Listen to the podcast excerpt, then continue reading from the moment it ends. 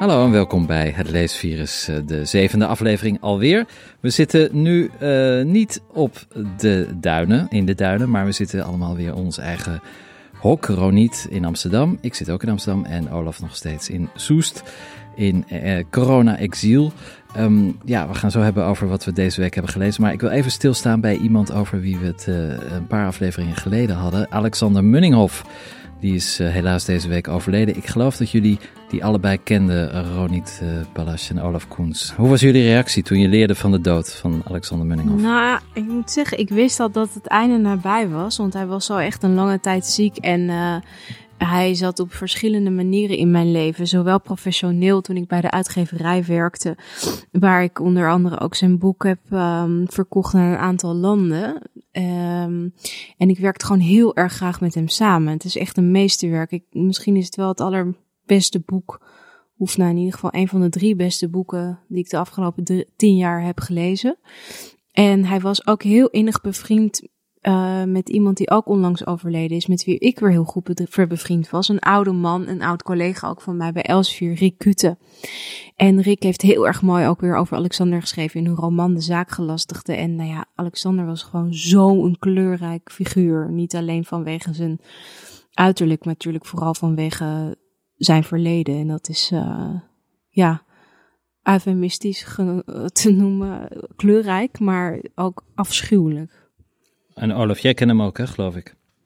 Ja, niet heel goed. Um, uh, ik heb hem een paar keer gezien. Ik ken hem natuurlijk omdat hij um, uh, ook heel lang uh, in Rusland en de voormalige Sovjet-Unie heeft gewerkt. Um, en ik heb hem een paar keer gezien in, in Den Haag, in zijn woonplaats. Het is een fantastische man.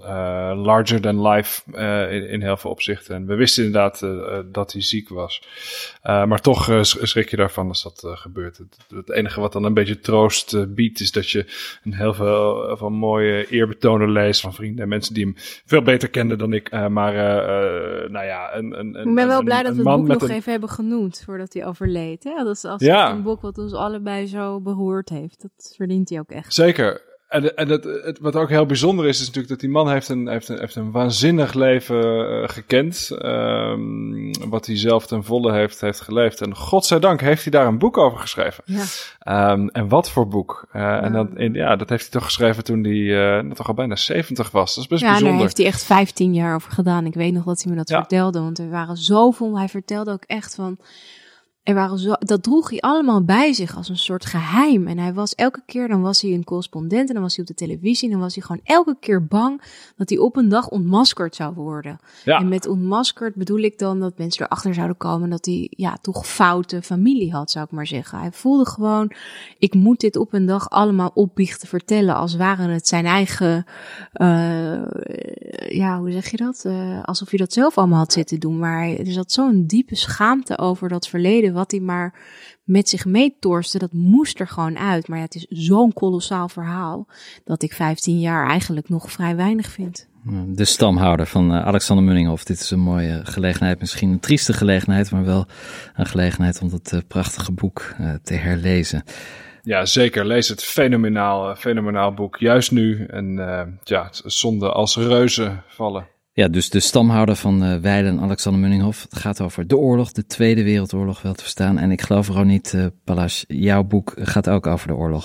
Ja, het is eigenlijk een, uh, ja, één boek, maar het, zijn, het is een heel oeuvre eigenlijk. Ik ga niet een heel oeuvre bespreken, maar ik wil gewoon heel graag stilstaan bij deze um, dichteres, Judith Hertzberg. is iemand die heel belangrijk is in mijn leven, zowel gewoon persoonlijk als ook literair. Ik vind haar uh, een van de grootste van Nederland. En um, ik zal ook even uitleggen waarom.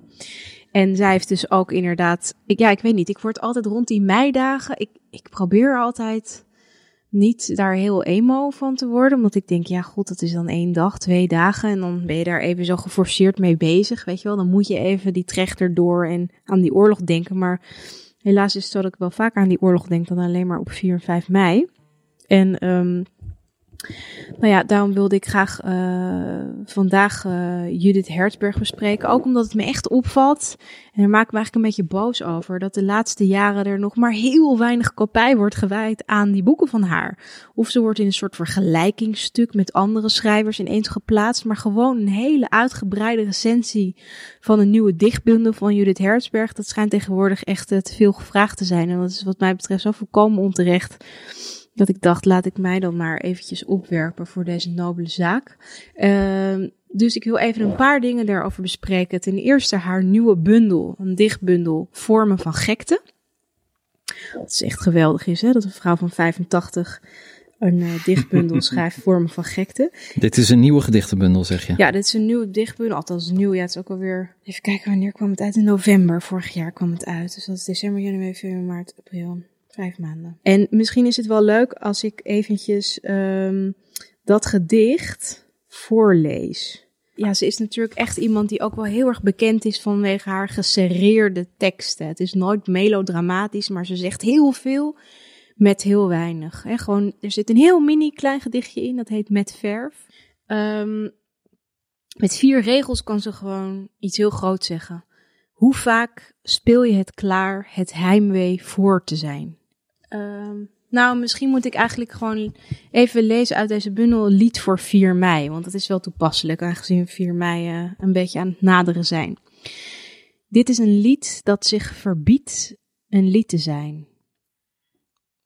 Was dit niet zo en dat niet zo en ook bij toeval zo geweest, dan was wie hier nu zit of staat al jaren uitgewist geweest. Hier kon je net hier net nog tussen, hier kun je net, hier net nog langs. En als niet in het nu van toen, die zo, die zo ervoor, ernaast, door moed of ongehoorzaamheid ontkwam, aan bom ontsnapte, aan boosaardigheid, dat grenzeloos geweld, dan werd wie hier nu zit of staat vandaag niet meegeteld. Refrein van lied dat zich verbiedt een lied te zijn. Leven vernield, het puntje van de tong, de vingertip, de knie, hersens, hielen.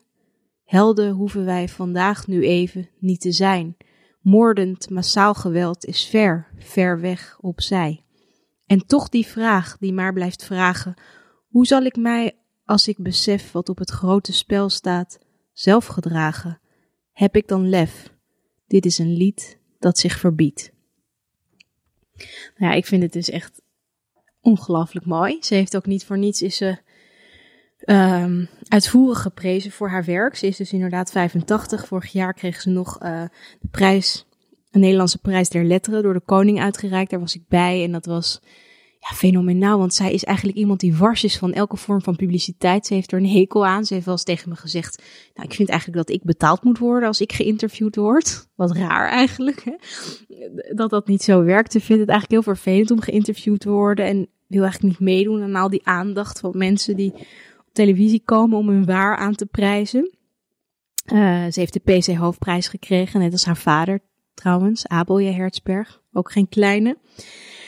Ze is 85 en um, een van de boeken die onlangs ook opnieuw is uitgegeven, dat is, uh, dat is een drieluik, een trilogie van haar toneelteksten, Leedvermaak. Um, en dat is, vind ik, zo ongeveer het allergrootst, het allerhoogst wat er is geschreven na de oorlog. Ze probeert in dat drieluik, uh, in eerste instantie opgevoerd als toneelstuk en later verfilmd. Alle drie de delen zijn later verfilmd door de cineast Frans Wijs. En ook geen kleine. Ook geen kleine, ja, letterlijk wel, maar figuurlijk zeker niet.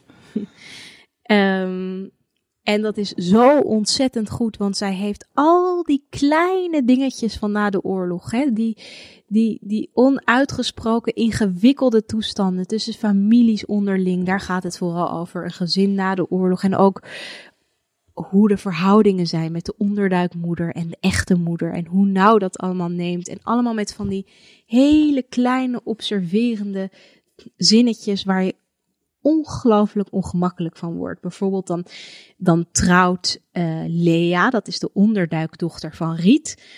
En Riet komt binnen op dat trouwfeest. Daar begint het eigenlijk allemaal mee, dat feest. En dan komt ze dus binnen in de Joodse familie, maar zij is die niet-Joodse onderduikmoeder. En dan kust ze Lea, haar onderduikdochter, want die hebben natuurlijk toch een hele bijzondere band altijd gehad. En dan zegt ze, schat, je kunt me niet vaak genoeg trouwen. Ik vind het zo enig als jullie een feestje hebben. Zo feestelijk. Echt, zulke feesten vind je nergens. Nou ja, dat is alleen al een zinnetje, dat jullie een feestje hebben. Um, het, zit, het zit hem echt in die kleine dingetjes. En dan even later... Um, Even kijken, want dat vind ik ook zo ontzettend mooi. Dan staat ze met iemand in de keuken en dan zegt ze over donker gesproken. Ik heb een tijd geleden een film gezien, een Franse film, een prachtfilm, vreselijk mooi. En het verhaal deed me aan jullie denken. Lach me niet uit hoor, ik weet niks van geschiedenis, maar ik hou nou eenmaal van films uit die tijd. Want hoe je het ook went of keert, het was een bijzondere tijd, niet dan? Nou, die man daar zitten ze achteraan en er is een vergissing gemaakt en nou denken ze dat hij een Jood is. Is hij niet, maar dat kan hij niet bewijzen. Een heel ander verhaal met gedaanteverwisselingen en wat niet. Op het laatst pakken ze hem toch en dan verdwijnt hij. Dan wordt hij samen met al die Franse Joden toch op transport gesteld. En hij was helemaal geen Jood. Hij was totaal onschuldig. ja. Nou ja, ik vind dit zo meesterlijk. En ja, dit, dit kan alleen Judith Hertzberg. Zonder het allemaal zo dik erbovenop te leggen, want die literatuur bestaat natuurlijk ook na de oorlog, heeft ze juist al die onuitgesproken gevoelige dialogen tussen mensen onderling zo sterk naar boven weten te brengen, zo invoelbaar gemaakt. En dat doet ze eigenlijk ook met haar gedichten. Je hoeft helemaal niet een, een, een, een enorm poëzieliefhebber te zijn of een enorm poëziekenner om toch die poëzie bij je binnen te laten dringen, omdat ze met heel weinig woorden zo invoelbaar kan maken wat iemand bedoelt of wat iemand wil zeggen. En ze van de kleinste dingen een feest kan maken om, om over te praten. Het is echt iemand door wie ik bijvoorbeeld mijn spreeuwenobsessie heb weten op te vatten. Er is geen mooier gedicht over de spreeuw dan door Judith Hertzberg. Spreeuw had niets te beweren, te klein voor veren, te nat om bruin te heten en snaveldicht ook tegen eten, maar werd een hoogst warmpotig geleerde, specialistisch geïnteresseerde, zeehond geveerde, veter vereerder, frivolke liggen imitator, een parelbespetterde wezel, een vliegende ongeletterde triomfator. Ja, het is toch echt meesterlijk. Hey, Ronit, en, en je, hebt, je hebt het over die, die, die, die, die, die kleine details, die dingen die wel of niet uitgesproken blijven. En heel voorzichtig, maar langzaam, maar hard, maar toch naar boven komen over de oorlog, na de oorlog. Um, hoe verhoudt zich dat tot uh, uh, ja, die andere man over wie jij uh, onlangs een boek hebt samengesteld en die dat juist zo hard naar nou, buiten bracht? Dat zal ik je vertellen. Uh, kijk, Ischa Meijer was iemand die een hele mooie reden heeft uitgesproken toen Judith Herzberg de Charlotte Keulerprijs kreeg voor haar toneelwerk dus. Dat toneelwerk wat ik net besprak, de Leedvermaak trilogie. En dan noemt Ischa haar eigenlijk een pionier op het gebied van een soort ja, naoorlogse taal uh, uh, bezig. Of in ieder geval die problematiek op tafel leggen. Maar daar heeft hij niet gelijk in. Want hij was het zelf. Hij deed dat namelijk in 1974. En Leedvermaak kwam later. Dat toneelstuk kwam in 1982. Dus zij was echt later. Dus hij is de echte pionier. En zeker koos hij een. Ja, hij had absoluut een andere stijl. Hij deed dat veel uh, veel directer. Hij moest ook wel. Hij kon gewoon niet anders. Want hij was jaren natuurlijk opgegroeid in die, ja, in die gekke omgeving waar zo weinig werd gezegd. Waar in codetaal werd gesproken. Waar maar niet hardop werd verteld wat er eigenlijk werd bedoeld. Al die indirecte hints naar wat er allemaal was gebeurd. Dus hij had jarenlang op een beurs staan bonzen en kreeg maar geen gehoor. Dus bij hem moest het eruit. En Judith uh, heeft een veel geserreerdere stem eigenlijk. En wat zo leuk is, even een klein leuk weetje bijvoorbeeld. Ik weet niet of jullie de film kennen, The Remains of the Day. Zeker. Maar uh, zij heeft dus op een gegeven moment een, een, uh, een, bundel gemaakt, die heet Dagrest, of een gedicht. En de Japanner die de film ging maken, die vroeg haar om een vertaling. En toen heeft zij dat in het Engels vertaald als The Remains of the Day. Dus hij heeft de titel aan haar te danken. Zij heeft die vertaling gemaakt. Kijk eens aan. Dus Judith Hetsberg, de naam van die uh, bundel die je net citeerde? Vormen van gekte. Vormen van gekte. Nou, dat, Vormen van gekte. En ze heeft in mijn boekje geschreven, en daar ben ik nu eigenlijk sinds november al op aan het kouwen, wat ze daar toch mee zou bedoelen. Ik moet het er eigenlijk eens vragen als ik er weer spreek. Um, jou ken ik, maar ik heb je niet door. Van Judith met liefs. Klinkt dreigend, hè? Een beetje. Heel dreigend. Ja. Dat geldt, dat geldt ook. eh, nee, maar dat- ik, ik, ik zou dat volledig kunnen onder, onderschrijven, denk ik. Op mij toepasbaar? Ja. Maar je hebt me niet door. Maar het is toch verschrikkelijk als mensen door geweest zijn of doorgehept zijn? Ja, er valt er weinig nog te raden. Vrees ik. Ik laat het maar even. Ik neem het maar even als een compliment. Weet dat zou zo ik sowieso doen. zijn. Ja. Dat zou ik sowieso doen. Maar ik zou zo Ehm, graag willen dat iedereen Judith Hertzberg zou lezen. Niet alleen in de aanloop naar mei, naar de meidagen. Maar omdat ze zo goed en groot is. En omdat ze ook van al die kleine verwondering van het leven. Van een spreeuw tot, een, tot de zee. Hè, alles maakt zij behapbaar. Soms licht, soms zwaar. Maar nooit melodramatisch. En in mijn eerste boek wat ik heb geschreven. Heb ik ook een gedicht van haar opgenomen. Jiddisch. Ehm, en de laatste strofe daarvan is, en dan hou ik echt op, verdrietige intieme taal. Ik heb je niet meer nodig, maar ik mis je wel.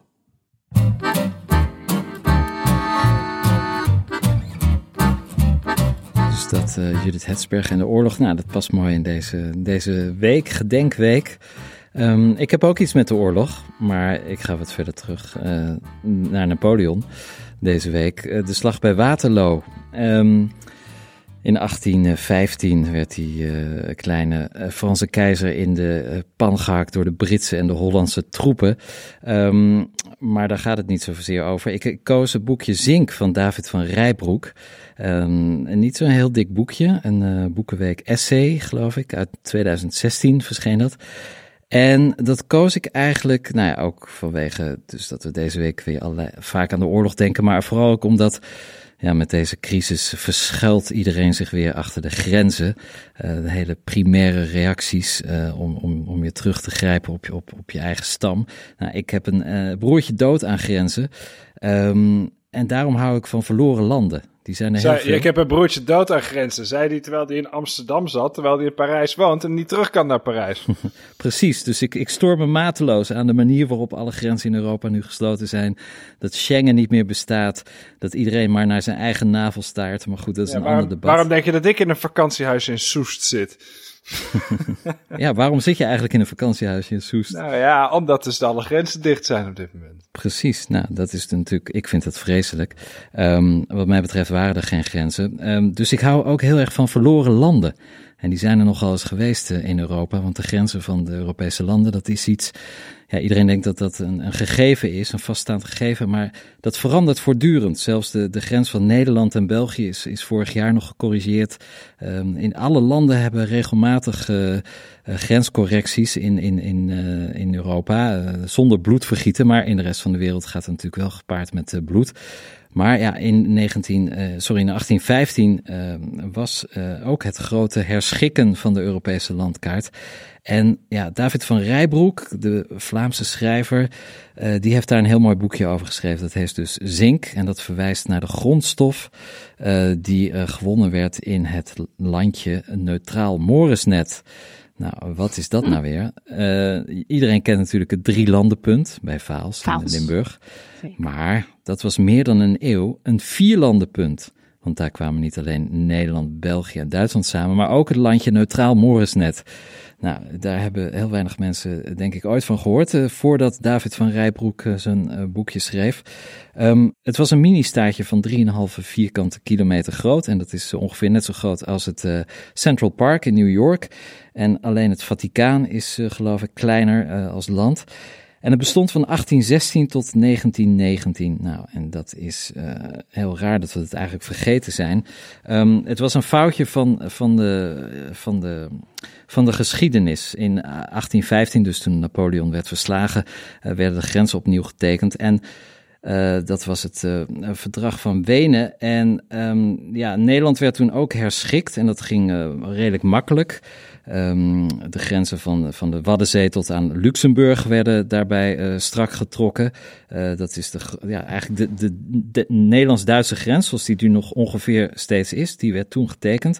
Maar dus een heel klein stukje van drie kilometer uh, bij Waals, in, op wat nu België is, daar konden ze het niet over eens worden. En daar lag ook een zinkmijn. Nou, zink in die tijd was synoniem voor um, enorme rijkdom. Um, en daar gaat dit boekje dus over. Het land dat, dat, dat bestaan heeft en dat we allemaal vergeten zijn. En David van Rijbroek die gaat op zoek naar mensen die dat landje nog hebben meegemaakt. En hij, hij vindt er dan één, die weliswaar niet meer leeft, maar wel hij, hij uh, ontmoet een van zijn dochters. En deze man um, heet Emiel en die beschrijft hij zo. Drie weken voor mijn geboorte stierf een man van 68, die de laatste twintig jaar van zijn leven voornamelijk bij het raam had gezeten. Langdurig ziek, sedentair bestaan, tamelijk jong gestorven. Het lijkt niet te wijzen op een erg bewogen leven. Maar zelden was het contrast groter dan bij deze vroeg versleten man. In de loop van enkele uren in dat stille huis leer ik dat hij niet alleen elf kinderen, maar ook vijf nationaliteiten en twee identiteiten heeft gehad. Een veelbewogen, maar weinig rooskleurig leven. Dus deze man is nooit verhuisd en heeft in vijf verschillende landen gewoond. En hij stierf als Belg, want uiteindelijk kwam uh, Morisnet bij uh, België. Maar ja, dus Morisnet, Duitsland, toen in België, uh, toen Nazi-Duitsland. Dus hij had vijf verschillende paspoorten gekregen.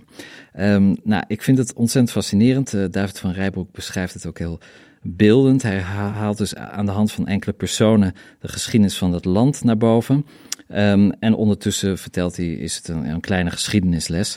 Dus ja, ik moest eraan denken deze week uh, in deze tijden van, uh, van herdenken en oorlog en grenzen door het coronavirus. Dat grenzen eigenlijk helemaal niet zo logisch zijn. En ja, vooral in mijn ogen ook helemaal niet nodig. Doe me een beetje denken aan Umberto Eco ook.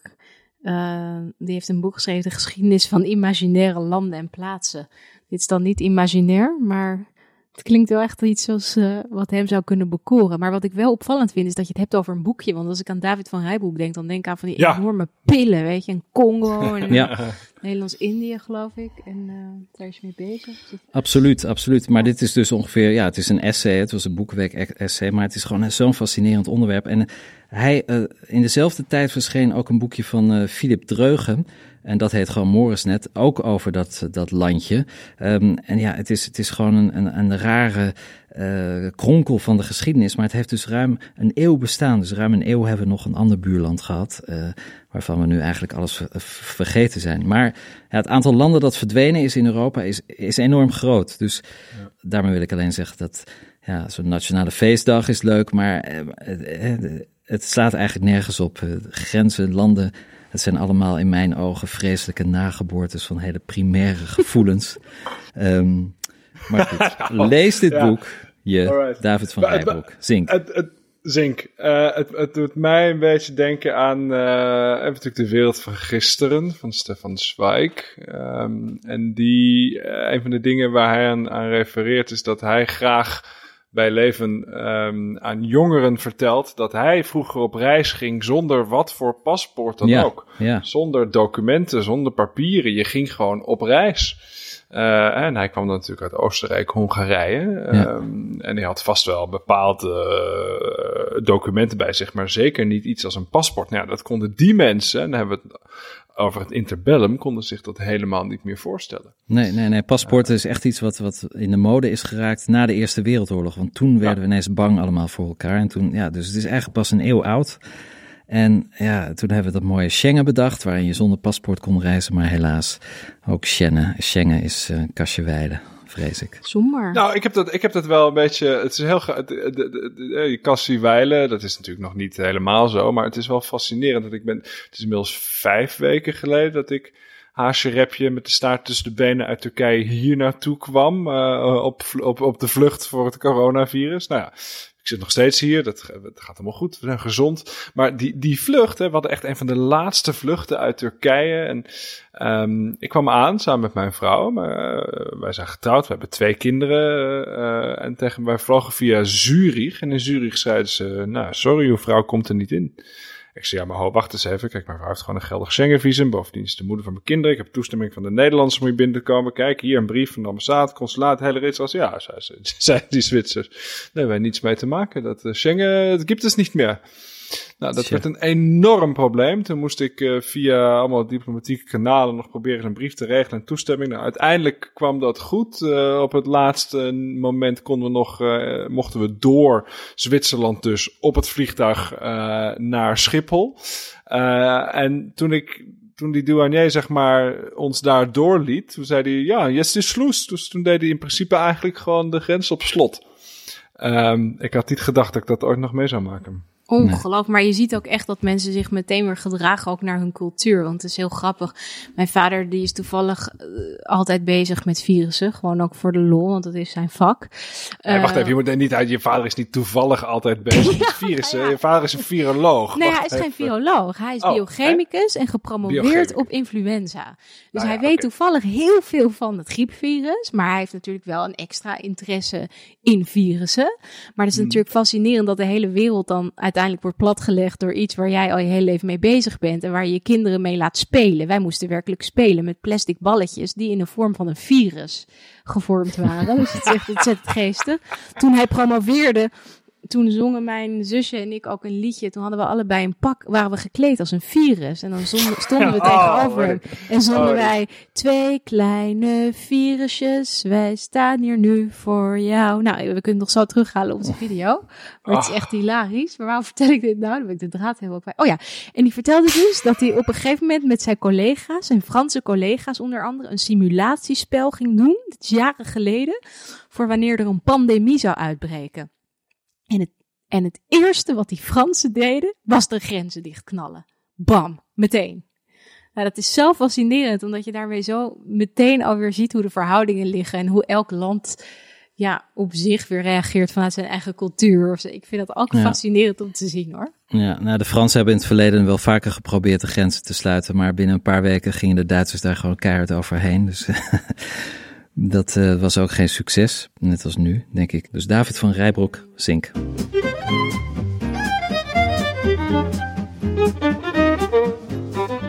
En Olaf, wat heb jij eh, deze week eh, voor ons in de aanbieding?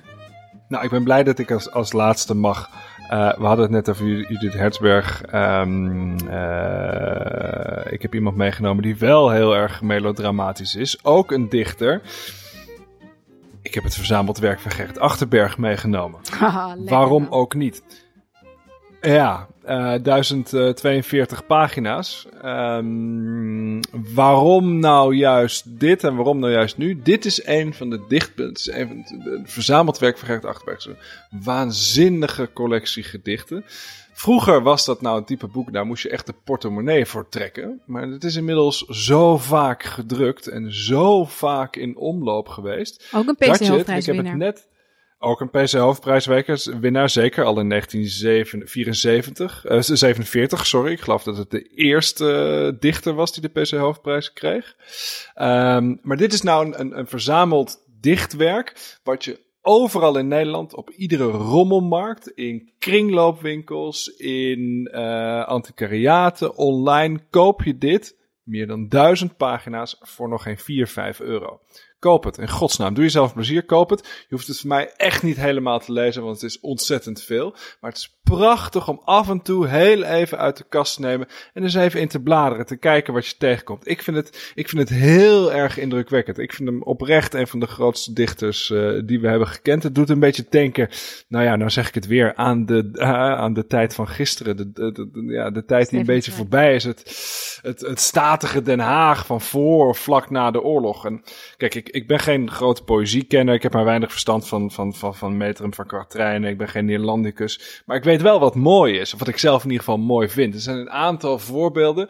Er is één uh, gedicht van Gert Achterberg wat ik echt uit mijn hoofd ken. Uh, ik zal anders dan Roniet niet uh, zeven grote gedichten voorlezen. Maar eentje, die kan ik, daar kan je me midden in de nacht voor wakker maken. En ik gebruik hem ook vaak als, als, als, als stemtest of zo. Als ik een microfoontest moet doen. Um, afvaart. Aan het roer die avond stond het hart en scheep de maan en bossen bij zich in. En al zeilend over spiegeling van al wat het geleden had, voer het om boeg en tuig langs wind en schemering voorbij de laatste stad. En dit is iets dat zit zo op een of andere manier in mijn systeem geramd, dat als ik op een veerpont zit in Istanbul of zelfs in Amsterdam. Als ik s'nachts aan het fietsen ben hier in de bossen in Soest. Ik hoor dat ik blijf nog steeds nieuwe betekenis vinden in dat gedicht. Wat ik al misschien al 15 jaar ken. Um, nou ja, en Gerrit Achterberg is natuurlijk, denk ik, uh, vooral bekend uh, bij het grote publiek vanwege die moord. Um, ja. Hij heeft in 1937, eigenlijk is het de bekendste en meest gruwelijke MeToo in de Nederlandse literatuur. Hij verhuisde naar Utrecht, daar huurde hij een kamer bij een hospita, een vrouw van 40 en die had een, een, een dochter van 16. En daar had hij een oogje op en terwijl hij haar aanrandde, kwam de hospita binnen. En die heeft hij vermoord. Um, daar heeft hij later eh, TBS voor gekregen en uh, eigenlijk een, een, groot deel van zijn leven doorgebracht in, uh, in, in, klinieken. Um, niet heel vreemd dat je daarna in zijn dichtwerk heel veel reflecties tegenkomt op de dood. Uh, de dood is denk ik misschien wel het belangrijkste thema in het werk van Achterberg. Het zit, zit er heel veel in. Vaak op hele cryptische, op spiegelende manieren. Heel abstract in vreemde beelden. Maar soms ook ineens heel concreet. En, en, dat is het fascinerende aan Achterberg. Dat, dat, zijn poëzie is, is dwalend. Het, het, het, het gaat heel metaforisch uh, te werk. Heel veel gedichten begrijp ik zelf geen moer van. Uh, heel veel gedichten moeten op je groeien. Die lees je één keer, snap je het niet. Lees het vijf jaar later, denk je, oh verhip, misschien was dat het. En dan nog een keer vijf jaar later denk je, nee, het zit anders. En soms ineens klapt er iets uit wat heel erg duidelijk is. Wat, wat, wat heel erg duidelijk is. Fascinerende, fascinerende man, Gerrit Achterberg. Ik zit even te kijken, want ik heb natuurlijk nog wel veel meer stukjes van Achterberg die ik graag voor zou willen lezen. Een van de dingen, het gaat ook echt over Nederland. Het is een beschrijving van wat Nederland is. Natuurlijk is dat, uh, dat, dat is denk ik heel knap in, in, in de poëzie, dat je, dat je Nederland uitlegt en, en die tijd zo schetst. Uh, beginnen van strofen over dit land alleen zwierf ik, maar dit land heeft geen einde. En nu dool ik bij u binnen, o oude wonden die ons pijnden. Zult gij beginnen te helen hier of heter nog te schrijnen? Nou ja, daar denk ik wel eens aan als ik nu uh, door, de, door de bossen bij Soetst uh, fiets. Als je maar niet je hospita van je vakantiewoning om het leven brengt.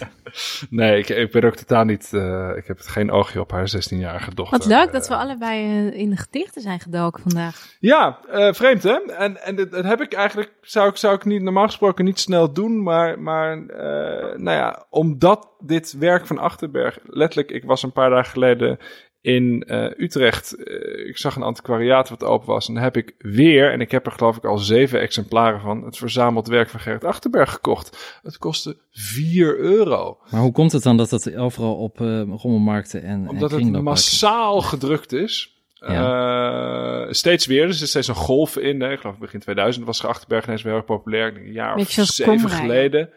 Ja, Komrij natuurlijk heeft het heel erg aangejaagd. Uh, uh, nou ja, zo gaat het steeds in golven. Er worden daar heel veel exemplaren van gedrukt, heel veel van verkocht. En uiteindelijk is het verzameld werk van Achterberg, ja, dat is, er gaan natuurlijk heel veel mensen komen te overlijden. De kinderen weten niet wat ze met die boeken aan moeten en, en gooi dat weg of breng dat naar een rommelmarkt. En zo komt dat heel veel, heel veel in omloop. Nou, ik heb er dus weer één gekocht, al was het maar om hem gewoon de komende weken bij me te hebben. Om af en toe eens in te bladeren. Uh, het is ook een van de allermooiste cadeaus die je iemand kunt geven. Ik heb het heel vaak cadeau gegeven. Niet zo gek dat ik er dus ook nog zeven heb liggen of zo. Uh, koop dat. Het is, de prijs is echt waanzinnig. Ik zat net nog even te kijken. Uh, tweedehands, wat je ervan kan kopen. Een, een kopie van En Jezus schreef in het zand. Daar heeft hij dus de PC Hoofdprijs voor gewonnen. Kost 1,50 euro. Nou ja, weet je, de postzegels die erop komen te zitten, te zitten zijn nog duurder. En je krijgt daar iets waanzinnigs voor terug. Uh, hele mooie abstracte bespiegelingen over uh, de dood, over een beetje het leven, niet al te veel, over de liefde, echt gemankeerde liefde, over een dichter die de, de, de, de, ja, de, de, de uiterste paden van, van, van, van zijn eigen brein verkent. Um, ja, heel erg melodramatisch, uh, maar wel heel erg mooi. En eh, echt een type werk, je, kan het niet lezen. Ik niet. Er zijn natuurlijk biografieën geschreven. Wim Huizeu heeft een prachtige biografie over um, uh, Achterberg geschreven. Um, en het is bijna niet te doen om Achterberg achter elkaar te lezen. Of om wekenlang dat... Dit is iets wat je moet... Koop het en blijf erin bladeren de komende 15 jaar. Maar dat is sowieso met poëzie, gewoon gedoseerd. Precies, doseer het. Ja, nou ja, dan nog één klein gedoseerd gedichtje van Judith, die, dat gisteren in de krant stond. Je probeert het toch, hè? Het parool, klein gedicht noemt ze het, vier regels. Jullie denken toch niet dat Rutte persoonlijk het virus beheert? Er omheen te laveren is wat hij probeert. Nou, Ja. dat vat Mooi, deze tijd Zo, mooi samen. in, in, in, hetzelfde, in hetzelfde genre, kijk, ehm, eh, Stefan, jij en ik waren eh, anderhalve maand geleden samen in Den Haag. Ja. En we liepen daar rond en we hadden s'avonds gegeten en toen zijn we iets gaan drinken en toen liep ik rond en toen, ah, ik was een beetje vrolijk en, en eh, misschien ook een paar drankjes gehad en ik liep rond en ik zeg, kijk, dit is nou Den Haag. Je tikt er tegen en het zingt. En dat is ook een dichtregel van, van, van Achterbergen. Hij heeft op een of andere manier, weet hij op heel veel plekken, of het nou Den Haag is, of de dood, of eh, wat Nederland is, weet hij in heel veel hele mooie kleine zintjes vast te pakken. Maar ik begrijp niet wat het betekent. Waarom zou Den Haag nou zinken? Als er één... Je, nee, Zingen. Is- nee, het zingt. Oh, je zingt. tikt er Zing. tegen en het zingt. Oh ja, nee, that makes more sense. Ja, ja, ja, ja, ja. Nee, zingen begrijp ik, maar zingen... Maar op een gegeven moment gaat Den Haag ook zinken, want het ligt natuurlijk aan zee. Eh, Maar, Ja, nee, nee kijk, ja, het- je tikt er tegen en het zingt. Nee, Zink was het andere boek van Stefan. Ja, precies. De Zank of Zink van David van Rijbroek. Nou, eh, twee gedichtenbundels, een kort verhaal. Ik vind dat we voor de volgende aflevering de lat wat hoger leggen en minimaal ieder 300 bladzijden romans eh, moeten lezen. Oh, maar daar vergis je je met poëzie. Poëzie is een hele hoge lat. Dat heeft niets te maken met kwantiteit. Ja, dat vind ik ook. Dit is wel de hoogste lat. eh, Dit is echt wel de hoogste leggen. lat, hoor. Nou, dan gaan we volgende keer een verdieping lager en lezen we weer vuistdikke romans. Gaan we Met- weer stripboeken lezen, zeker? Nou, da- daar zit heel veel diepte in. Eh, on- maar dat ontdekken jullie nog wel eens een keer als je groot bent. Eh, dankjewel. Dit was het leesvirus. Eh, voor alle titels die we bespreken, die kun je vinden op Twitter en Facebook. Allebei het leesvirus. Eh, wij zijn er heel snel weer met een nieuwe aflevering van deze podcast voor mensen besmet met een eh, boekenziekte. Eh, dat zijn wij, eh, Stefan de Vries, Ronnie Palas en Olaf Koens. Tot de volgende keer. Was je handen, lees een boek.